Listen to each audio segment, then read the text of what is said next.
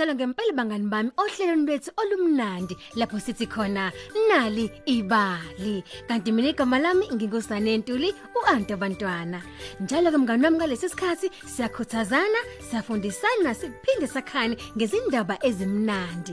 Kuye namhlanje ke indaba ikhuluma ngomfana kanye nojakalasi. Wena mngani sondela eduze nje uvula umsakazo wakho ngoba mina sengithi nje nali ibali. Kokukhona umfana owayemncane owayehlala epulazini elalakhele nesinye isigodi. Wayehlala nomama wakhe usisi wakhe kanye nobaba wakhe. Wonke umuntu emndenini babenomsebenzi okhethekile ababewenza mngani wami. Owakhe kumfana umsebenzi kungokunakekela izimvu. Njalo ke kuseni wayezisa emadlelweni. Lapho izimvu zazidla utshani kanye phela nezinye izitshalo. Wayezibuka njalo lize liyoshona ilanga. Kwakukhona amadwala nesikhosi ngesigcineni kwedlelo. Ilapho ke mngani wami okwakuhlala khona ujakalazi Kodwa ke umfana wayeqinisekisa ukuthi izimvu azisondeli njengasemadwaleni. Njalo kokusihlwa wayibuyisela izimvu eplazini khona phela zizophepha. Uma nje phumile nezimvu zakhe, usisi wakhe yena waye esigodini ukuyodayisa ngemifino nangamaqanda bebekade phela bawathatha eplazini labo. Emakethe usisi wakhe wayekhuluma nawo wonke umuntu. Uhlezi nabantu okhuluma nabo. Kwasho omunye umfana ngelinye ilanga. Usunabangani abaningi kanti mina anginayo ngisho noyedwa. Ngilana nje mina. Ngingedwa usuku lonke. Anginamuntu engizokhuluma naye. Umfana wabuka izimvu wase wazamula. Emva nje kokucabanga eside isikhathi. Ya, waqhamuka nesu. Sengiyakwazi kumele ngikwenze. Ngizokhala jakalasi, pungushe. Wonke umuntu uzozizongisiza. Ebese ngibatshela ukuthi ujakalasi ubuyele emuva ehlathini. Ngizobe sengibasiza ngibabhekise.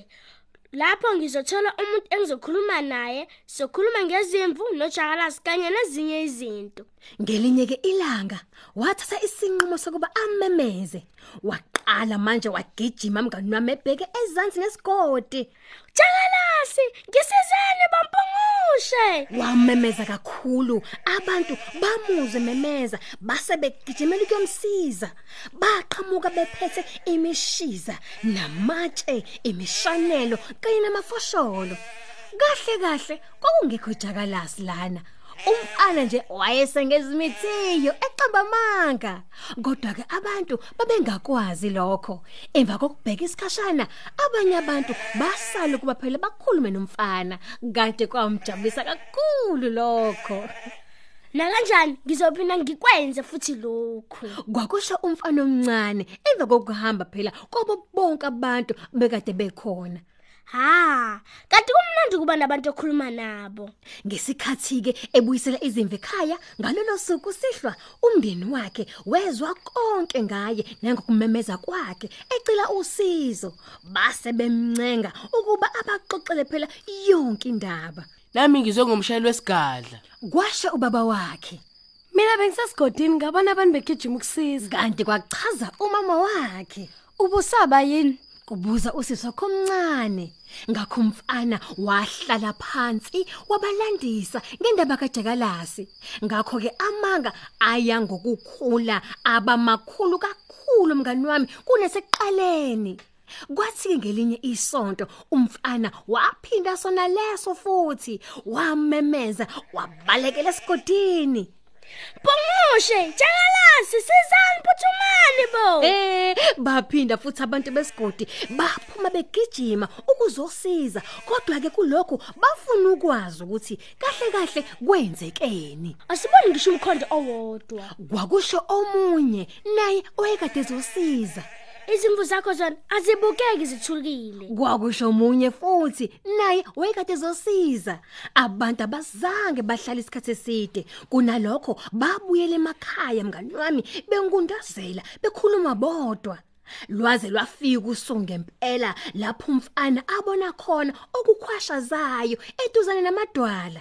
Yo mngani wami wabona amadle bacijile kanye nomsilo omude yaqala ke manje inhliziyo yashaya ngamandla yakubhazela kwakungujakalasi wemngani wami oyekade nyonyoba esondelela ngakwizimvu zomfana.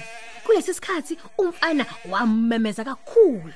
Sizani sizani? Nangujakala siphuthumali bo ha esagijima nje ukuyocela usizo wabona ujakalasi elume yodwa yezimvu. Wololo wabuyela emuva kwizimvu zakhe ememeza.